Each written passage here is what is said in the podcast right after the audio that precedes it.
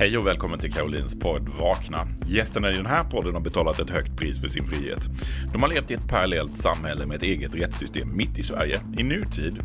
För priset du betalar för att lämna Jehovas vittnen, det är förlusten av alla dina vänner, din familj, släkt och hela ditt sociala nät. I de här intervjuerna delar gästerna sin historia om hur det är att leva inne i en parallellvärld. Om smärtan i att förstå att det man trodde var sant inte alls är det. Och om hur du överlever en social misshandel som kanske skulle kunna ha kostat dig livet. De berättar om vad som väckte dem och hur de har lyckats skaffa sig ett nytt och friskt liv. Du som håller på att vakna kommer att känna igen dig. Du som inte hade en aning om företeelsen kommer att förvånas. Det är dags att vakna med Caroline och gäster. Välkommen till ett nytt avsnitt av Vakna med Caroline och gäster. Idag har jag Rita Bordenstein på besök. Mitt liv har två stora händelser som jag delar in eh, mitt liv enligt. Det är före och ett efter. Den ena händelsen som jag delar in mitt liv efter är min uteslutning våren 2018. Och den andra händelsen som har varit väldigt, väldigt stor i mitt liv och som också har ett före och ett efter, det var när jag gjorde min första Life Between Life-regression som jag gjorde våren 2021. Ni av er som har lyssnat på min intervju med Agneta Sjödin i Så in i själen har säkert hört mig beskriva eh, just den här regressionen. Och eh, på Agneta Sjödin gjorde det så stort intryck så hon strax kontaktade Rita Bordenstein för att ha med henne i sin podcast. Och såklart, jag känner också samma sak för att Rita har haft en så stor fundamental förändring i mitt liv. För när jag plötsligt våren 2018 blev utesluten, då stod jag utan mina rötter och jag stod och hittade mig själv utan ramar i livet. Det var väldigt omskakande. Och jag behövde hjälp för att hitta mig själv. Hela 2018, 2019 och 2020 gjorde jag många olika saker som hjälpte mig framåt. Och jag upptäckte genom de terapierna jag gick igenom att jag egentligen inte riktigt visste vem jag var. Utan att vara ett Jehovas vittne, vem är jag då? Jag har alltid sagt att jag är inte en del av en religion. Jag är inte ett Jehovas vittne på söndagar eller på tisdagar utan jag är ett Jehovas vittne. Det är hela mitt liv och hela min själ. Så när jag inte är ett Jehovas vittne vad är jag då? Vem är jag då? Och vilka metoder vågar jag testa? Det finns så mycket som är förbjudet som ett Jehovas vittne. Så mycket som är stämplat som demoniskt, som farligt och som magiskt. Jag började redan 2018 på meditation och hittade att styrkan i tystnaden gav mig mycket kraft. Men när den gav mig så mycket kraft varför förbjöd Jehovas vittnen det då? Jag började samtidigt på hypnosterapi och tänkte och förstod också att det var så mycket kraft i hypnosterapi. Varför är det förbjudet? Är det för att det kan finnas en möjlighet att frigöra sig från strama fundamentalistiska tänkesätt? Är det för att genom de här typer av eh, terapiformer att man får kontakt med en kraft som är mycket större än sig själv. Och varför måste Jehovas vittnen envisas med att vi inte har en själ, utan vi är en själ? Är det för att bryta kontakten med något som är större än bara vår kropp? Och varför får vi som Jehovas vittnen inte lyssna på vårt hjärta? Varför är det förrädiskt? I processen att hitta mig själv i mitt nya liv, då beslutade jag mig för att möta mina rädslor att se dem enbart som en känsla och ingenting att vara rädd för. En känsla eller en tanke kan man möta och passera. Man behöver inte undvika den. Och därför började jag utforska många teorier och metoder som tidigare var förbjudet för mig. Mitt mål är att presentera dem i den här podcast. Inte för att jag vill predika en viss typ av terapiform för att nu har jag hittat hjälp och då är det, det enbart det som kan hjälpa alla människor. Men för att visa och dela vad jag har hittat effektfullt. Många av mina gäster har hittat andra sätt att gå vidare och det delar jag självklart också. För vad gör man som människa när den sanning man levt enligt hela livet inte är en sanning? Vad är då sanningen? Finns det någon universal sanning? Eller är det så att vi alla har vår egen sanning? Svaren på frågor som, som till exempel varför föddes jag? Varför är jag här på jorden? Varför stannade jag så många år i en sekt? Och varför stannade jag så många år i ett olyckligt äktenskap? Är jag en själ eller har jag en själ? Är döden en väntrum till uppståndelsen eller en transformationsperiod till nästa liv? Jag hade så många frågor och Rita hjälpte mig att få svar på många av dessa existentiella frågor genom en life between life rekreation. Välkommen hit Rita. Det var väldigt, väldigt roligt att du vill vara med här hos eh, mig i Vakna med Karolina och gästa. Tack, jag vill eh, se fram emot det här. Ja, du är ju min första gäst som inte har någon anknytning till Jehovas vittnen.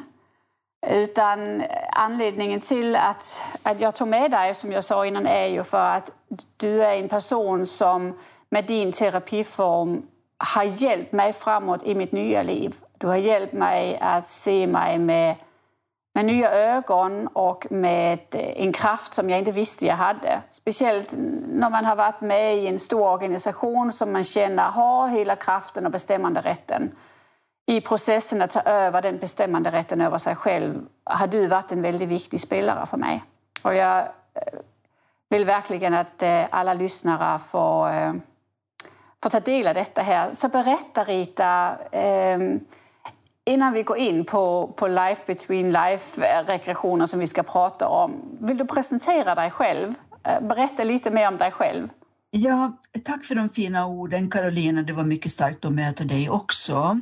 För det är ju ett själarsamband eller en personkemi som man kan kalla det för, att man känner att det är väldigt givande att möta. Så för mig har det varit så hela livet att jag när jag ung, som ung blev sjuksköterska så var det just de här mötena som har alltid gett mig liksom livets sötma kan man säga.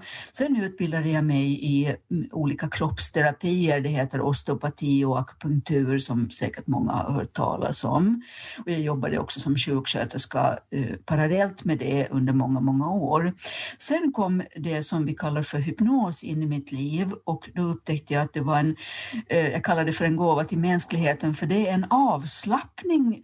Hypnos har ju fått kanske lite dåligt rykte ibland, för man tror att man ska manipulera eller så. Men faktiskt är det bara avslappning och då är det det att jag som hypnotisör kan hjälpa min klient att lättare slappna av och sedan ställa frågor till personen som är djupt avslappnad. Och det var väl egentligen så som vi möttes du och jag Karolina, att att jag ställde frågor till dig och att du då mm, fick kontakt med ditt inre, eller vad ska vi kalla det, för din egen eh, inre mm, information helt enkelt. Och nu gör jag eh, den här typen av, det är lite djupare form av hypnos som vi kallar för, det kallas för life between life hypnos. Varför gör det det? Jo, det är för att det är ett tillstånd faktiskt, hur konstigt det än låter, som att man inte är i en, i en fysisk kropp utan man är liksom ren själ. Vi kan utveckla det lite mer sen för att mm. förklara mm. vad menas med det. Men det är mm. det jag gör Eh, dagligen här på min praktik här i närheten av Stockholm. Vill du utveckla lite det eh, innan vi går in vidare med själ? För här vet jag många av mina lyssnare kommer att stoppa upp. För att som Jehovas vittne då är du övertygad om att eh, du är en levande själ innan du har en själ. det, är, det är väldigt viktigt för Jehovas vittnen att du är du är samma som kroppen. Så när kroppen dör så dör du. Du lever inte vidare eller du är ingenting mer. Hur ser din terapiform på kropp och själ?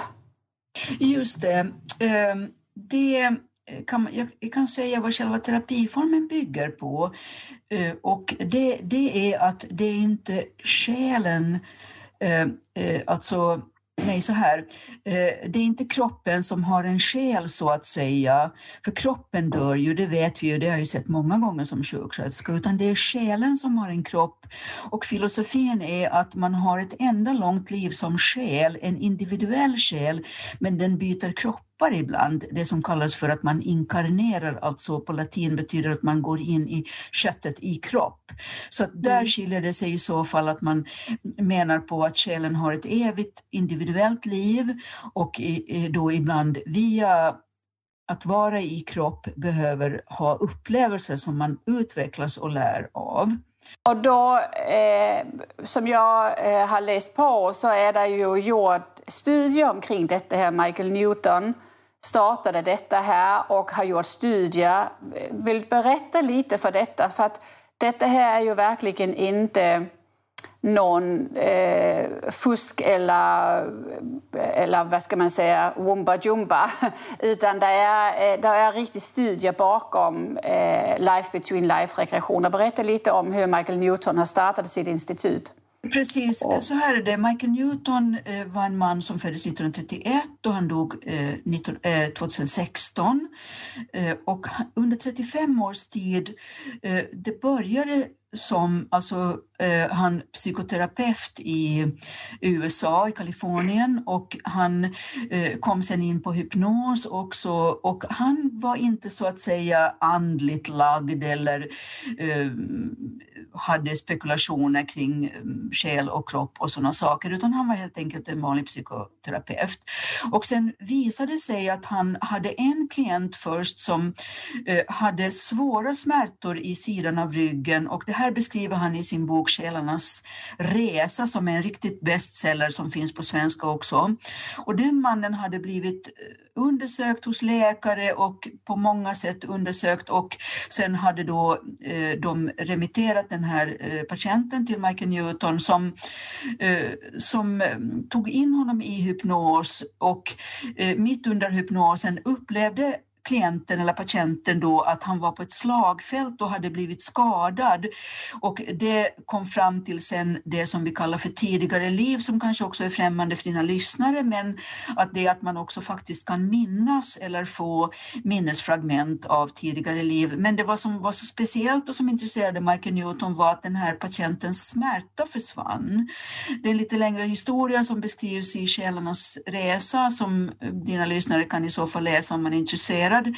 Nästa steg var att Michael Newton hade en eh, annan eh, patient som hade blivit remitterad till honom för att hon var djupt deprimerad och ingen hade kunnat hjälpa henne och hon kände sig extremt ensam och ja, som vi alla kan känna oss ibland. Och under hypnosen så gick hon in i ett tillstånd där hon eh, upplevde att hon träffade sina själsfränder, som hon använde det ordlydelsen, soul uh, mates som man säger på engelska, för det här var ju på engelska. Mm. Och så frågade Michael Newton henne, vilka är de här? Och hon säger, jag är inte på jorden nu, jag är i himmelen och jag har träffat mina själsfränder. Och det här kan ju låta väldigt fantasifullt, men Michael Newton blev väldigt intresserad. Vad är det som händer här med den här kvinnan?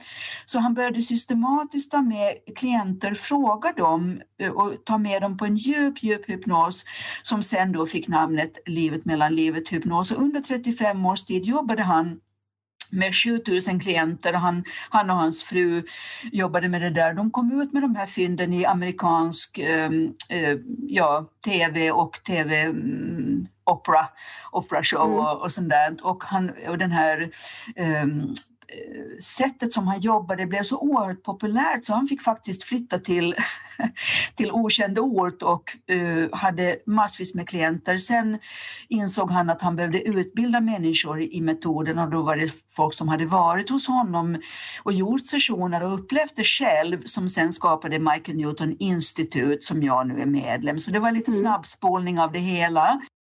Vi har inom institutet gjort, mm, vi, har, vi får rapportera in varje år hur många sessioner vi har gjort, alltså sådana full, fullfjädrade Life Between Life-sessioner och då eh, har vi kommit fram till 55 000. Det är ofattbart många sessioner där man det som man säger inom vetenskap och beprövad erfarenhet så att säga, jag är ju sjuksköterska så jag har ju kommit i kontakt med forskning på det sättet, man säger att man kan upprepa någonting så att man får samma resultat så att säga. Mm. Så att det har jag ju nu genom åren under tio års tid som jag har gjort de här sessionerna, att människor kan komma in i ett tillstånd där de minns hur det är i tidigare liv, de minns hur det är att dö i ett tidigare liv och sen komma in i andevärlden och berätta. Och där är poängen med hela metoden att jag då kan fråga dem saker. Och då frågar du inte mig i min, i min eh, fysiska kropp utan du frågar mitt större jag eller min själ eller vad man kallar det. Eh, och då... Ja, just det. Vi har en forskningsavdelning på Michael Newton Institute och man kan gå in på eh, hemsidan som eh, du får en länk av mig, Michael ja. Newton Institute.org och eh, där har vi länk till forskningsavdelningen som människor kan läsa. Så att, så att hur som haver det är så jag hela tiden då med varje klient um, igen och igen får se att det här faktiskt fungerar. Så för min del, när jag träffade dig, då var det min första typ av rekreation. Jag hade aldrig gjort det innan. Um, och jag sökte upp dig för att jag hade läst om Michael Newton och uh, just detta här att du var licensierad. Hur många är det i Sverige som är licensierade Life Between Life? Uh, jag, jag, är den enda sedan tio år, vilket ju är helt märkligt med tanke på att jag är ute och håller så mycket föredrag och har varit mm. extremt aktiv inom institutet. Så det verkar vara som en livsväg för att det gäller ju att göra fyra, fem timmar långa sessioner ibland. De vanligaste är tre timmar, men jag har liksom ägnat mitt liv åt det här så jag kan liksom inte hämta barn på dagis. Nu är jag ju 65 så det är inte mm. aktuellt, men, men jag har valt det som en livsväg eftersom det verkar ligga i min livs syfte på något sätt att göra just det här. Jag har gjort annat innan också. Men vi är 200 bara i hela världen, trots att vi har utbildningar. En del är ju med ett tag och sen gör de någonting annat. Vi har ju före detta jurister, läkare, alla möjliga som har, eller som jag, före detta sjuksköterskor. Så mm, vi är ett gäng liksom som mer eller mindre känner varandra, men vi jobbar i 40-tal länder och på, eh, jag har glömt nu om det är 25, 25 språk eller hur många språk, men mm. på Michael Newton Instituts hemsida finns det lista på alla så att eh, för oss som gör online-sessioner, jag gör sessioner också med folk i andra länder. Eh, som attraherar just till mig. Så... Men vem är det typiskt som söker upp dig för att göra en sån här life between life? Jag gjorde det för att jag ville eh, gå igenom, eh, jag vill få kraft i min livskris eller min livsförändring. Är jag typisk för den typen av människor som söker upp dig? Typisk är, är människor som har kommit i kontakt med Michael Newtons antingen boken Källornas resa eller Källornas öde. Eh, det är de två böckerna bestsellers han har gett ut. De kom ju ut på 90-talet men de finns på mm. svenska båda två. Eh, eller att eh, man verkligen vill komma i kontakt med sitt livssyfte. Och det kan man ju undra, vad är det? Men alltså det är varför är jag här nu? Och det är välutbildade människor, det är ingenjörer, det är alla typer av människor som leder andra också. Väldigt mycket sjuksköterskor, läkare, socionomer. Eh, ja, det är män, kvinnor, yngre, äldre. Det är en spann mellan 25 och tror jag 80 är väl den äldsta eller hur gammal den personen nu var. Och det är en del som vill, som också är rädda för döden kanske, som mm. vill uppleva hur det är att dö. För det är faktiskt det man, det är som en nära döden upplevelse fast utan risker. Så kan man säga. Ja, precis. Jag kan berätta när jag var hos dig, då eh, frågade du mig vad, vad, ser du? Och jag sa, tänkte men jag ser ju ingenting. Men jag kunde inte röra min arm. Och då valde du att gå in via armen och jag beskrev vad det var eh, som hände. Och då plötsligt började små bilder komma upp för mitt inre syn. Och det var då ett tidigare liv och jag gick igenom ett dödsögonblick. Och för mig så var det absolut inte skrämmande. Jag var helt säker på att det var mig, Maria, i, mitt tidiga, i ett tidigare liv. Och döden var väldigt o, vad ska man säga, odramatisk för mig. Eh, är det väldigt typiskt? För att, får jag bara fråga, för att komma till livet mellan liven, då är väl tanken att man ska gå till ett liv och dö och sen följa Eh, skälen till var den vandrar någonstans. Just det. Enda anledningen som jag kan se kanske att jag har varit ensam i Sverige så länge, det är inte att jag är bättre eller sämre än någon annan, utan det, det är som en lång procedur innan man kommer så långt. Just i ditt fall var det som det var, men jag behöver ju kunna följa varenda, varenda klient. Jag har ju haft hundratals, hundratals klienter sedan jag började 2012. Att följa varenda och då hjälper det mig att jag har varit sjuksköterska, jag har varit kroppsterapeut, att jag har jobbat jobbat djupt i mig själv för att man går, eh, man gör, först gör jag ju en lång intervju innan jag överhuvudtaget bokar in klienten. Sen när klienten kommer hit så gör vi också en lång eh, alltså så att vi känner att vi kommer i nivå med varandra. Sen gör vi en lång avslappning som kan ta en timme ibland, alltså kroppsavslappning. Eh, det är olika individuellt, en del behöver längre, en del behöver eh, kortare. Och sedan går vi till tidiga år i barndomen. Jag minns inte om vi gjorde det i ditt fall Carolina, det är lite olika. Men, men i allra flesta fall det är det som metoden går ut på, att man liksom värmer upp tidiga minnen.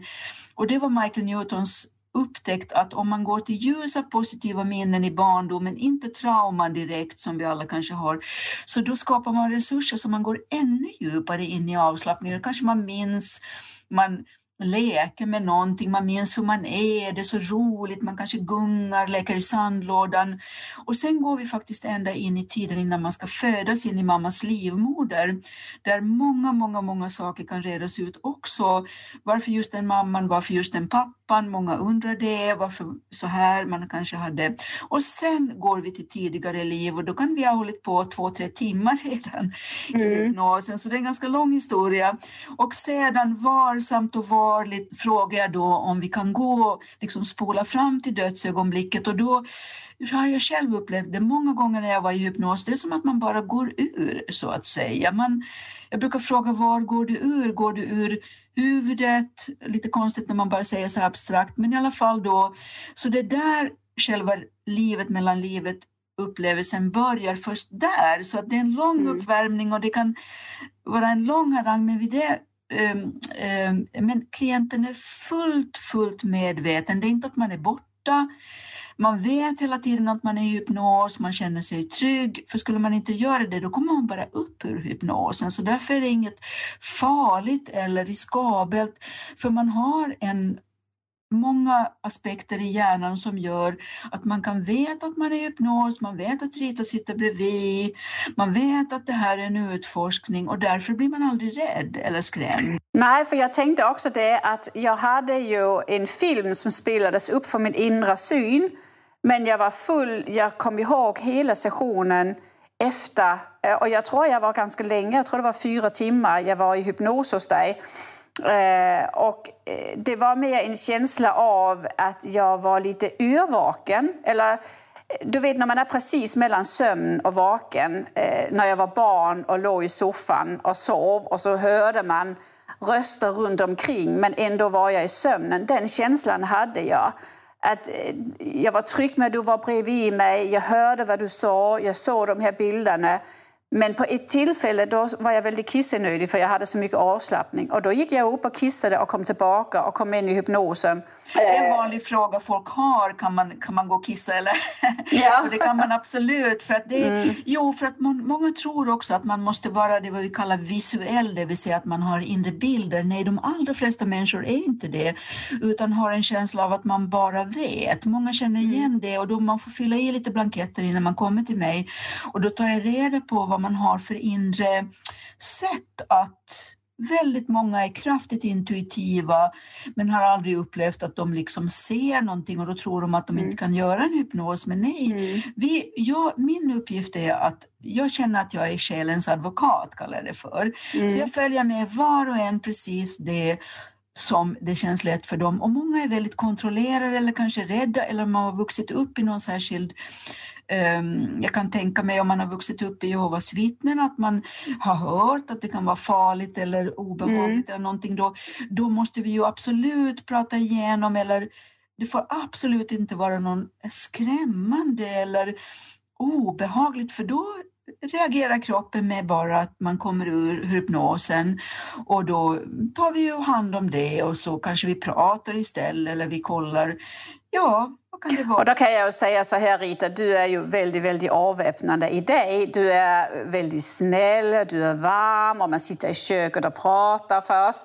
Så du är ju absolut det man kallar totalt ofarlig. Du är inte skrämmande på något sätt. Om man besöker dig i din, ditt lilla hus eh, ute på landet där det är grönt och vackert. Så det är, det är så fint och vackert som det bara kan vara när man kommer till dig. Och eh, är man inte avslappnad innan, då blir man det bara genom att vara tillsammans med dig. För du har en väldigt avväpnande personlighet eller en energi du utstrålar. Man känner sig trygg. För det var det första jag sa. Ja, jag kommer att vara svår för hypnos, för det är, jag är jättesvår. Och då sa man, ja, ja, nu får vi se hur det går.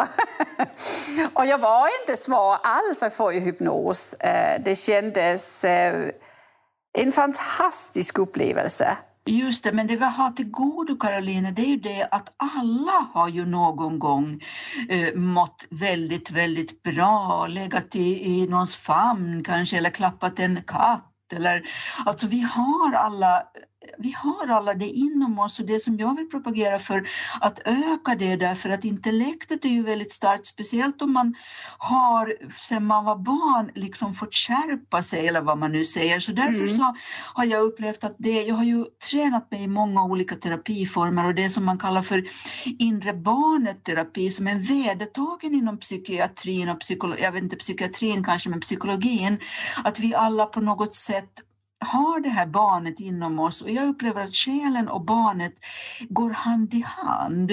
Så mm. för de som kommer hit som har väldigt mycket titlar och är väldigt framgångsrika och eh, vana att ha liksom koll och peka med hela handen, då måste jag vara eh, liksom avväpnande på något sätt. För jag har ju rört mig, jag har också varit företagare och rört mig i många chefs situationer och jag vet att många som är i ledande ställning de vill träffa någon som inte håller på fjäskar kanske eller mm. för att mm. vi, vi är ju också barn allesammans att man känner att man behöver den här trösten och man är it's lonely at the top som de säger. Så, mm. så där mm. Eh, upplever jag att Michael Newtons metod är genialisk för att gå till de här tidiga minnen blir väldigt berörande för varenda klient. Att oj, vad fin jag var när jag var barn. Så här är det många som... som... Och jag kan tycka, det möte jag hade när jag eh, låg i hypnos, det var ju en sån stor kärlek till mig själv.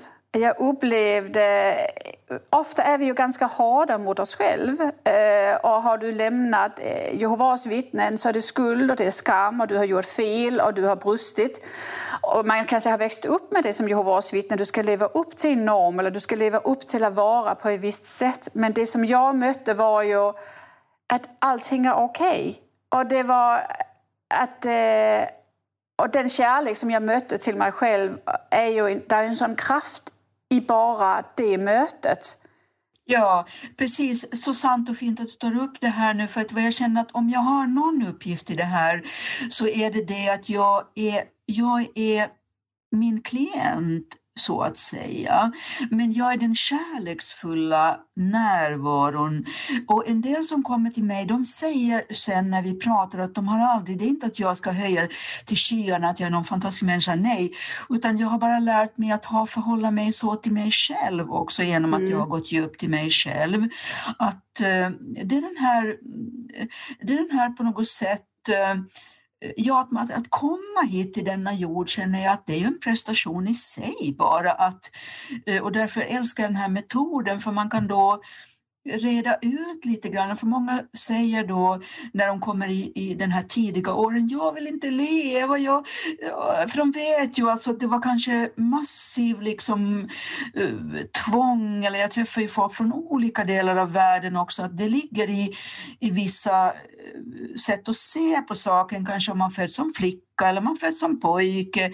Man föds in i ett kollektivt mönster och då går vi in på det här att det autentiska, eh, själens autentiska kvalitet och eh, som mm. Michael Newton kallar det för värdkroppen så att säga. Att du Caroline, du, din värdkropp heter Caroline den här gången mm. och min heter Rita och, och jag älskar eh, min värdkropp nu och det låter kanske fjantigt men jag vet att jag kämpar på, jag jobbar hårt och jag har, jag har barn. Och, alltså sådär, att, att det är som att se sig själv som att wow, vilken människa!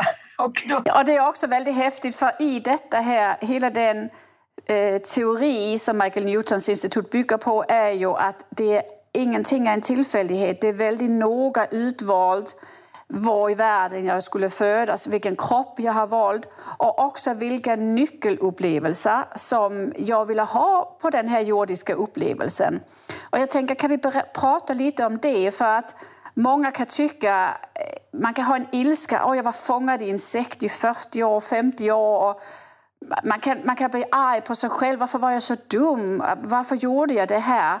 Men, men högst sannolikt, enligt Michael Newton, då är det en anledning till att man har sökt en utmaning. För att livet det handlar inte bara om att komma ner och få en bananskalsliv var allting är räkmacka utan en möjlighet att växa i de utmaningar som möts.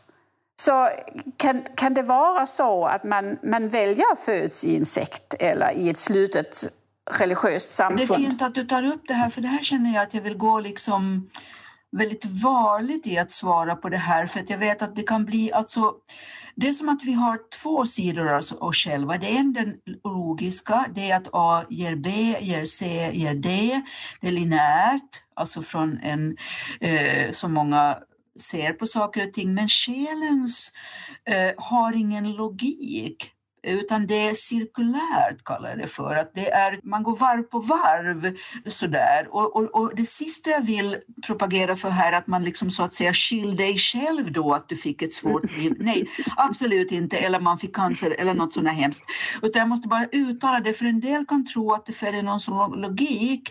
Men jag hade mm. faktiskt en sån fantastisk klient igår. Jag gör ju online-sessioner ganska mycket också då och det funkar nästan bättre nu för tiden. Att jag jobbade med en klient som hade hade varit med om en hemsk sak när hon var 16 år en hemsk, hemsk sak.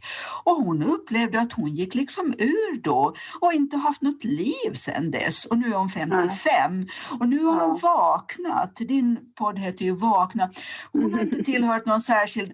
Och då först jag frågade henne, men älskade vän, brukar jag säga så här, fast jag kan inte säga älskade för jag känner inte henne, men, men jag sa det så här, att, men, men vad vill du göra nu? Och hon sa, mm. det är ingen som har frågat mig det. Ja, men hon sa, jag vill sjunga, jag vill spela, jag är jättebra. Och hon jobbade inom vården eller vad det var, jag minns inte vad det var, eller någon teknik eller något sånt. Och då i hypnosen så gick vi in på vi, vi, kunde ha gått in på det traumat också, men det gjorde mm. vi inte. Utan vi fångade upp henne före. För i hypnos finns ingen tid. Så hade vi gått in i traumat kanske vi hade fastnat där och var så hemskt och hemskt, hemskt, hemskt. Men hon kom indirekt in på det sen. Att jag vill inte låta det här som hände nu förstöra liksom mitt liv vidare utan hon hade mm. börjat nu gå på gympa, hon hade börjat träffa lite folk, hon hade börjat eh, läka sig själv. Hon gick bara på nätet in att hon kom in på någon healingmetod hon ville göra mm. och sen hela sessionen som hon och jag gjorde igår var en enda lång healinggrej så att mm. säga. Och hon kom till något tidigare liv också men det var inte väsentligast i hennes fall så då blir det inte som en livet mellan livet regression men i hennes hennes fall så gick vi in på just det här som du pratade, kanske i mångas fall Jehovas vittnen men i andras fall eh, någonting annat då som gjorde att livet tog en annan vändning och hon frågade sig just vad var det, hon liksom dog där och då. Ja, men kan det vara någonting som, för Michael Newton beskriver ju väldigt noggrant de här sakerna som själen vill uppleva i sin fysiska eh, liv Ehm, är det, kan det vara att själen säger nej men eh, du ska, få, du ska få ett uppvaknande under din, din ungdomsperiod som gör att du väljer riktning eller du, det händer någonting. Eh, kan det vara något sånt? Det kan vara, alltså det är ju myriader av olika konstellationer som är så sinnrikt som jag kallar det för en orkestrering, det är det närmaste ord som jag, och därför jag älskar de här sessionerna, jag får ju få höra alla varianter, men Michael Newton kallar det för markörer. Eh, till exempel, jag kan ta i mitt eget fall att jag hade jättesnälla föräldrar och växte upp i en liten stad i Finland och älskade djur och såg fer. Och jag var som en sån här liten, liksom änglalik liten flicka och, eh, och ehm, eh, ville bara vara med djur och så vidare. Och sen när jag skulle börja skolan så blev det jättehemskt. Jag bara började spy varenda dag och det kan jag tycka vilket lidande, vilket lidande. Mina föräldrar förstod inte vad det var. Men då kom det in en granntant i mitt liv, tant Marianne som jag beskriver i min egen första bok.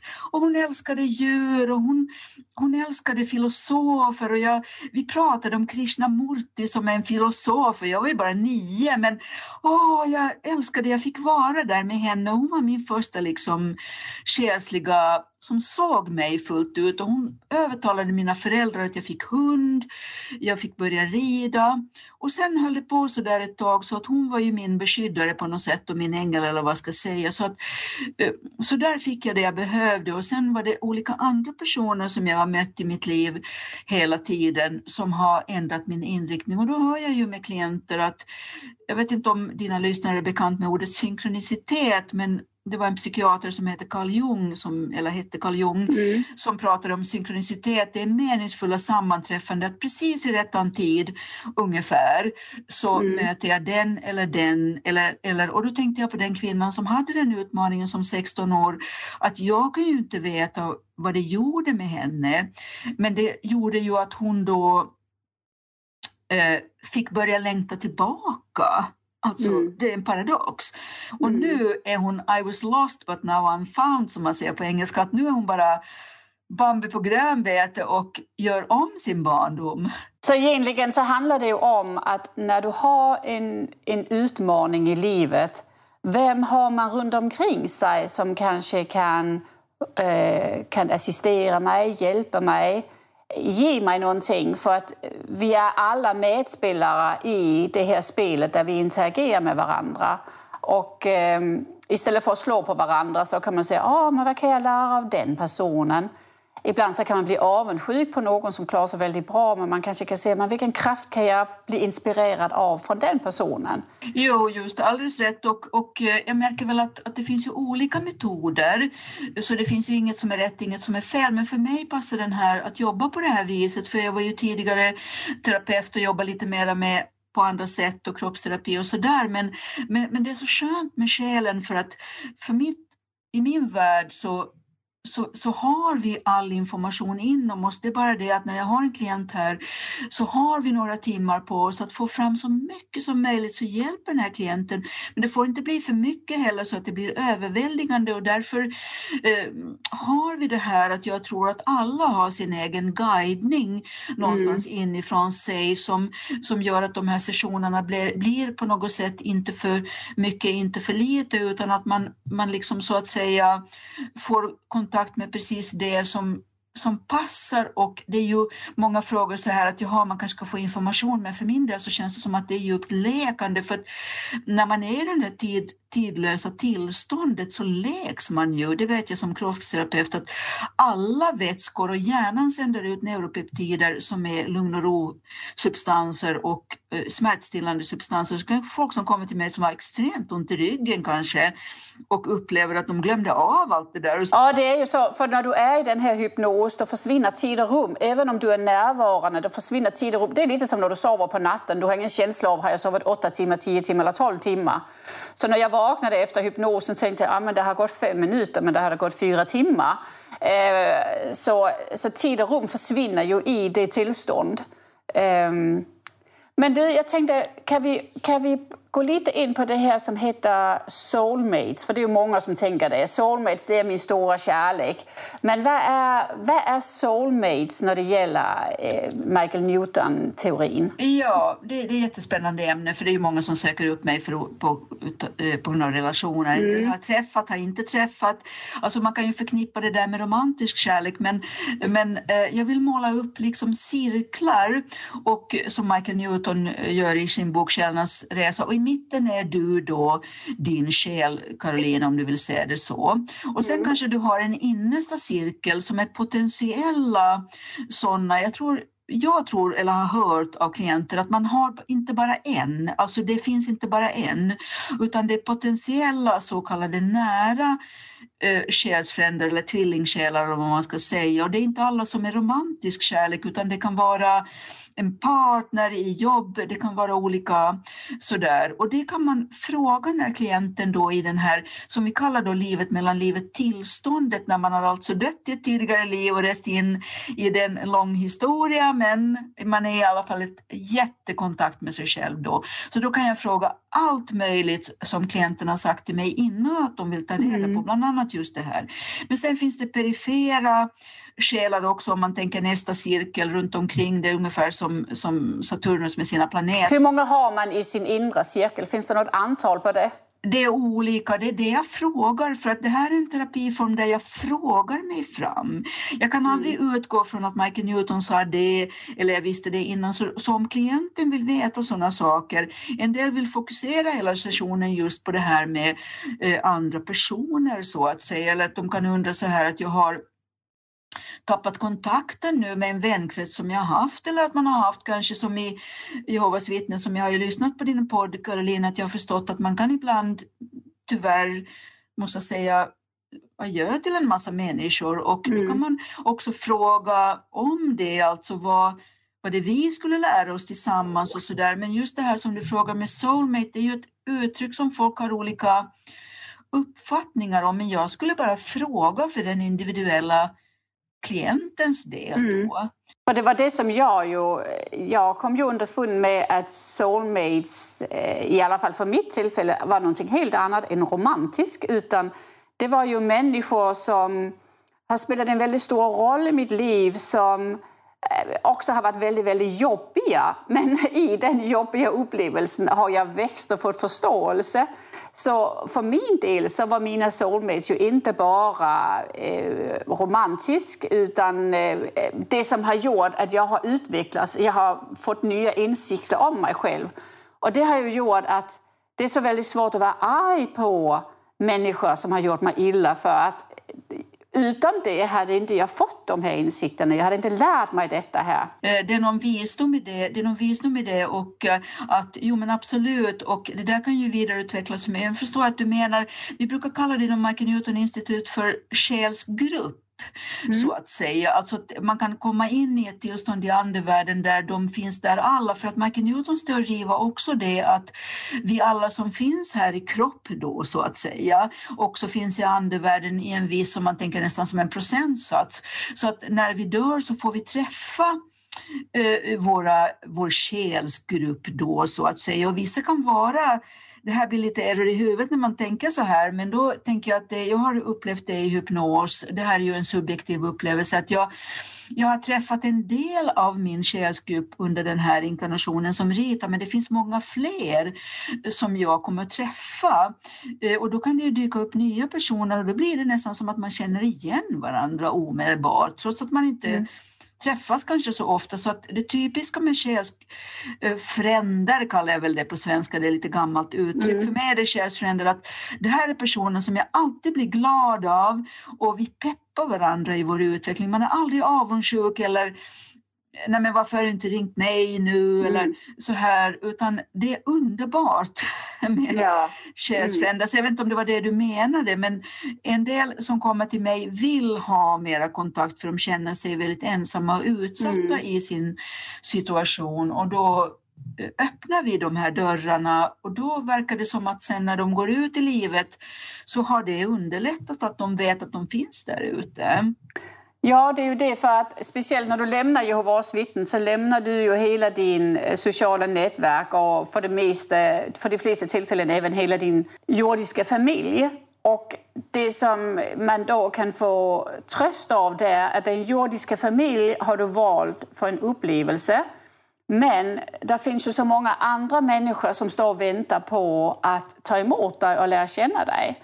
Och det är kanske en del av din själsgrupp som inte du har haft möjlighet för att ha kontakt i ditt tidiga liv utan nu med det nya livet så har du möjlighet att, att skapa de här kontaktvägarna. Och för min del, efter min session med dig, øh, har jag ju öppnat helt nya kontaktvägar för jag ser på nya människor på ett annat sätt.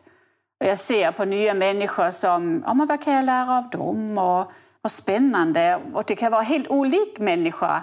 Eh, men, men det är ju härligt för att det kan bidra med saker i mitt liv när de tänker helt olika eller tror helt olika för mig.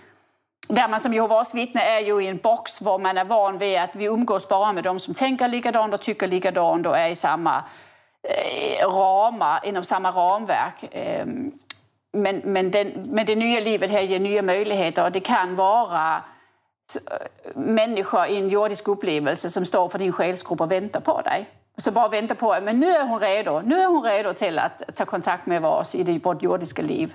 Just det, en, en, en, liksom en klassikerfråga som jag brukar eh, peppa mina klienter när vi sitter och, och, eller när vi pratar inför sessionen att, att fråga så här, folk frågar ju vad de vill men, men jag vill gärna ta upp frågorna på lite större nivå så här att, att vad vill min själ uppleva genom det här? Du kommer ju fråga så här, vad vill min själ uppleva genom att födas in i en uh, judendom, islam, en särskild uh, plats uh, och, eller en del som är adopterade frågar hur kommer det sig att jag föddes där och sen hamnade i Sverige?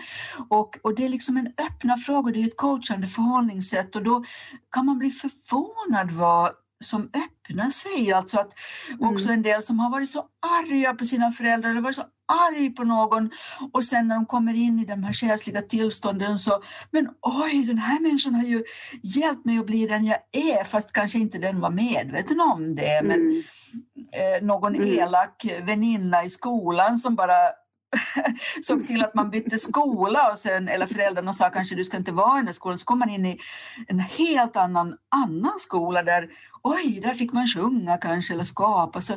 Och det är väl det som är det kraftfulla, att börja se på sitt liv med själens ögon och inte enbart med de jordiska ögon. För att en stor del av oss är ju vår själ som försöker att att guida oss väldigt, väldigt nänsamt. Men ett, ett sätt den guidar oss på det är ju våra känslor.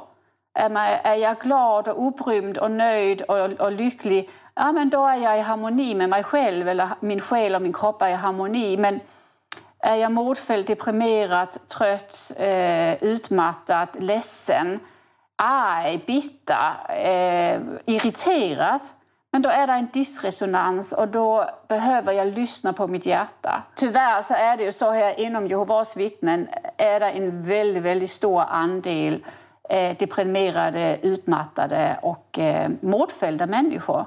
Ja, just det.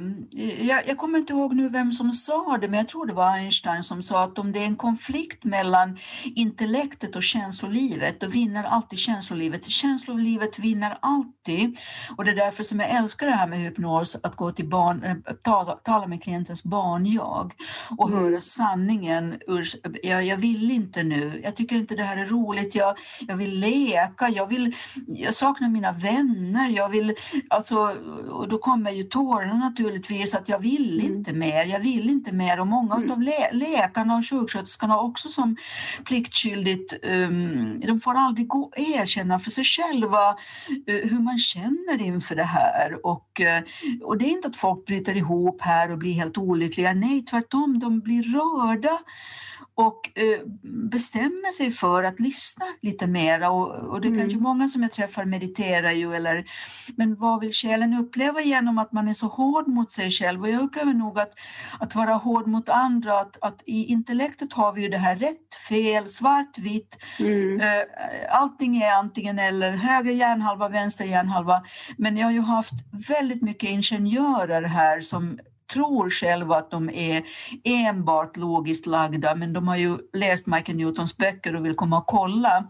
Och det visar sig att det är ju inte att man antingen är intellektuell eller intuitiv eller flummig så att säga, nej. Mm. Man är ju allt och då kan mm. man ju bara expandera sig själv genom att låta hela sin fantasi som ju är grunden till all innovation, alltså att låta fantasi är ju det mest lekfulla vi har, eller att man mm. medskapar med Gud.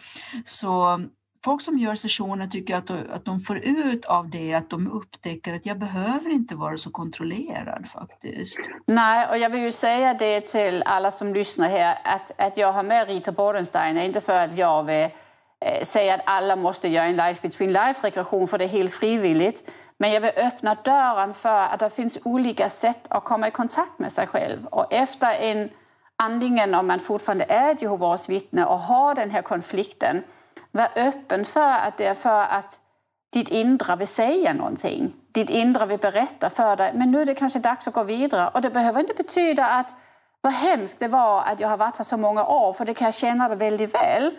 Men nu kanske inte det tjänar längre och nu är det en ny fas i livet där man ska träffa nya människor, ha nya upplevelser. Eh, och allting är fine, allting är okej. Okay, för allting är egentligen bara en en jordisk upplevelse och man är här på jorden för att ha, ha det härligt. Och, och, och nu kanske man är färdig med en, en, en, en stängd, sluten religiös rörelse och, och vill börja på någonting annat. Ja, verkligen. Och jag kan bara återkoppla till det och hålla med. Jag lyssnade ju på när du intervjuade Marcus och det här med att välja glädje någonstans, för det är inte att mm. förneka elände och sorg. Eller, jag menar, alla har vi ju alltid i livet utmaningar som innebär förluster, sorg, allt möjligt sånt. Men jag har upplevt att min uppgift är att hålla kontakt med min själ, hålla kontakt mm. med det jag älskar och jag älskar att göra de här sessionerna. Sen gör jag ju annat också naturligtvis, men jag, jag älskar det och sen kan jag ju också deppa och, och, allt sånt. Men, men jag upplever att det är det här med rädsla som är ett helt ämne för sig då, men att man via att skrämmas försöker eh, liksom eh, styra upp människor och det kan man ju skrämma mm. barn eller man kan skrämma och många som kommer till mig är ju att de upplever att, att, att jag är inte rädd för döden, men jag är rädd för livet. Jag är rädd, ja. jag är rädd att leva liksom. Och mm. tror man ju att ja, men det är ju inte tjofaderittan hambo bara att gå ut och dansa, det kan man göra så här. Men en, för mig är glädje en djup inre känsla mm. som jag kan känna plötsligt bara inom mig, mm. bortom allt. Och det, det är väl sådana dörrar som kan öppnas via hypnos eller andra vägar, naturen, komma samman. Och det, Ja, och det handlar ju om att i den här sessionen våga att släppa in sig själv. Att våga att vara med mig själv och lära känna mig själv. Jag fick en fråga efter min rekreation faktiskt från ett Jehovas vittne som, sa, som jag har kontakt med som sa men, men tycker du inte det var läskigt? Så sa jag, men hur kan det vara läskigt? Jag träffade bara mig själv. Det, det, det är ju bara nya sidor av mig själv jag känner och allting när, det, när man ser det med själens ögon är ju varmt och kärleksfullt och härligt. Så snarare så växer man och får en större kärlek till sig själv genom de här, den här typen av eh, rekreation. Ja, just det. Vi kallar inom hypnosen kallar vi för en trygg plats. Och ja. det, kan, det, är en inre plats som vi alla ju... Och, och, det är så fantastiskt med hypnos eftersom det inte, som du har sagt många gånger, att det finns ingen tid, det finns ingen rum. Så att jag menar om jag vill dagdrömma som man sa förut. Jag mm. har alltid varit älskat att, vad man kallar dagdrömma. Och, ja, jag menar jag kan ju åka till eh, Maldiverna en stund och vara där. Mm. Det är ett billigt sätt att resa men, men jag vill ju gärna åka dit också kanske. Men men, det är att vi har en, en... Hjärnan är ju fantastisk, så vi har de här olika hjärnvågorna som man Jag vill håller föredrag ibland om hypnos och berättar om hjärnvågor. Men alltså, eh, många tror att hypnos är sömn, men det, det är så kallad delta-hjärnrytm när man går in i sömn, men man är ju inte död obviously, utan man, man kan ju bli väckt. Men hypnos är inte sömn, utan man, vi inom Life Between Life hypnos vill att man går in i det vad man kallar för teta Eh, hjärnvågstillstånd, vilket är att eh, man, eh, när man, djup meditation, man är i djup meditation och man är, man är totalt inne i sig själv. Och jag säger ju alltid till klienten att blir det någon fara och färde på något sätt, en brandlarm går eller någonting, då kommer du ju komma upp ur hypnosen med en gång. Så det är inte att man kan fastna eller att man kan Eh, inte komma ur det, nej, utan det är ju bara jättekön. Ja, det är eh, som en ny människa efteråt. Och jag ska ju tillbaka till dig, Rita, till efter sommaren. Då får man ju se eh, vad vill min själ visa mig då? Eh, för att det är ju, man kan ju säga att det är mig själv som bestämmer vad, vad ska släppas på. Och för ett år sedan då var det någon, en sak jag skulle se och nu kanske det är någonting helt annat jag ska se. Det vet man inte. Det är en väldigt tröst i det upplever jag, det finns ju sådana gamla, gamla uttryck man kan tjata på, men jag, man, jag älskar det uttrycket att när eleven är redo så kommer läraren. Alltså, det kan ju, alltså läraren kan ju vara, det är ju inte någon lärare på det sättet, men att man själv då är öppen för nästa steg. Så därför blir aldrig de här sessionerna överväldigande tack vare att jag är så djupt tränad i det här kärleksfulla närvaron som för en hel del klienter blir så att det är djupt helande och man kanske inte får så mycket information så att säga utan man bara är Alltså jag upplever när folk sen öppnar sina ögon och sätter sig upp, de tar sig ta med tusan 30 år yngre. Ja, alltså jag grät ju under hela min, för jag blir så emotionell. Det var så, eh, ja, jag, eh, jag har gjort en eh, jag har gjort en annan regression här eh, för, ett halv, för några månader sedan och det var samma där också. Det var inte Life Between Life, det var en vanlig regression. Men också eh, att jag blev så emotionell för att det är som att eh, man kommer i kontakt med en, en gammal, gammal vän som man har saknat och, och det är så härligt att få återförenas.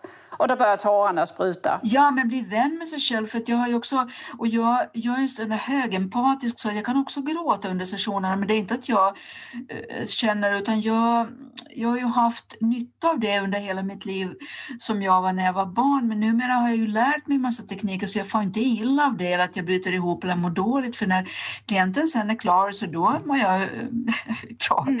Ja, men alltså det att vi på något sätt går tillsammans för att jag har nog upplevt att i en själslig utvecklingsresa som ett liv ju innebär så kan det vara ensamt även om man lever med någon eller om man har en familj mm. så är det att man kan ha en längtan efter att själen verkligen ska få blomma ut så här ja. som mm. du beskriver och gråta och, och, och skratta och och förstå, alltså man förstår, ja men aha, men nu fattar jag och det kan bli så rörande att släppa, för, för min del var det mycket ilska och bitterhet som jag ville släppa och när jag då förstod och jag släppte, ah, men då blev det ersatt av kärlek och det är nästan så min fysiska kropp inte kunde rymma alla de här känslorna och därför gav det uttryck sig i tårar. Men det var ju inga, det var inga ledsamma tårar utan det var befrielse. Lättnad och befrielse. Nej men nu förstår jag, nu förstår jag. Men en, det som vi kallar en äkta hypnosupplevelse i grundläggande hypnos, och det kan jag tro alla hypnotisörer håller med, att en äkta hypnosupplevelse är att man känner det autentiskt, just att man får känslor på det där viset som du beskriver, och att man är totalt i nuet och att man, det känns sant för en själv. För en del kan undra, hur kan du veta, jaha, vadå, tidigare liv, bla bla bla. Så för mig är det ju inte att det ska vara sant för mig eller någonting, men jag kan känna hela rummet, jag kan känna, jag är så erfaren nu med hypnos och terapi också. När klienten har en äkta upplevelse så är det inte att jag säger att den är bättre, den är sämre. En del behöver ju traggla i det där lite grann och känna skillnaden när man känner sig autentiskt eller när man känner att man bara liksom pratar på eller försöker vara duktig eller Um, mm, prestera i hypnosen. nu ska jag gå in och prestera. jag hade faktiskt en sån klient häromdagen och till sist så kände jag, men vad är det jag säger? Jag har hela mitt liv försökt passa in. Jag, lät, jag bara, jag sa inte nu ska du vara tyst och prata inte nej, utan jag var bara närvarande och till sist så insåg hon själv att så här har hela mitt liv varit, att jag bara försöker passa in och hon försökte säga sånt som hon hade läst och som jag skulle säga bra, bra, bra. Eh, sådär. Och då insåg hon på slutet att nu vill jag inte mer. Eh, nej. nej, så, nej. Och det var ju det som var den sessionen. Mm. ja. Alltså det var helt fantastiskt och, och du ville vara med här på den. Är det någonting du känner Rita som du vill tillägga som inte har kommit fram här omkring Life Between Life regression eller Michael Newton Institut så, så har du chansen nu att säga det kort ska jag bara säga till alla lyssnare nu att den inre kompassen som jag kallar det är den enda kompassen. Och det mm. har jag hört om och om igen och någon säger jag har inte kontakt med en inre kompass. Vad är inre kompass? Jo, man kan säga det är hjärtat, det är magen, men ännu mera magkänslan Och precis som du sa innan Caroline, man känner att man mår inte bra. Och när det pågår för lång tid, då har man möjlighet att börja lyssna inåt och så får man se. Det är upp till mm. var och en. Det är ingen som kan säga vad någon ska göra. Man kan ju egentligen säga att det var en ganska bra avslutning för att avdramatisera hypnos. Det handlar om att få koll på sin magkänsla och våga att, att navigera efter magkänslan. Så odramatisk är det. Jättebra att du sa magkänsla också, för att hjärtat kan ibland vara att man kan miss, för man är så givmild och man vill ge till allt och alla. Jag träffar ju många sådana jag kallar dem för ljusbärare, hjälpare, men de glömmer sig själva. Men magkänslan säger, vad behöver jag själv? Ja. Eh, ta hand om mig själv. Så mm. jättebra att du sa magkänslan, det var mm.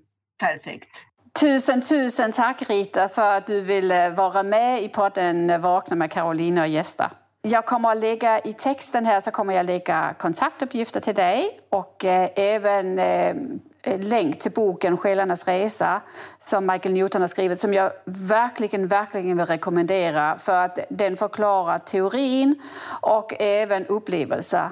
Sen har du skrivit två böcker, Rita, som jag också kommer att lägga länk till för att de är jätte, jättefina. Jag läste dem. Eh, de är väldigt korta, lättlästa och eh, det ger också en väldigt bra inblick i vilken typ av arbete du utför och hur du arbetar med klienterna. Det var det enda eh. syftet med boken, att göra det lätt. Ja, så det blir väldigt avdramatiserat att besöka dig när man läser de här böckerna. För att du har ju intervju under hypnos med dina kunder i de här böckerna. Och då förstår man, ja men okej, men då är det ungefär en sån här upplevelse jag kommer att få, även om inte en, en hypnos är den annan lik. Men, men, men, men schemat är ju ungefär... Jag beskriver processen och de finns ja. på svenska och engelska bägge bägge ja. böcker. Men ja. vad spännande. Tack så väldigt, väldigt mycket att jag fick vara med. Tack så mycket. Vill du vara med i Vakna med Caroline och gäster? Att dela med sig av sina upplevelser kan frigöra en hel del blockeringar och hjälpa dig vidare i livet. Det är ofta helande och läkande att höra sig själv berätta vad man har varit med om och som man faktiskt har klarat av. Det är som en tung ryggsäck som man kastar bort för att gå vidare med nya och friska krafter. Besök reject.com och anmäl ditt intresse om du vill vara med.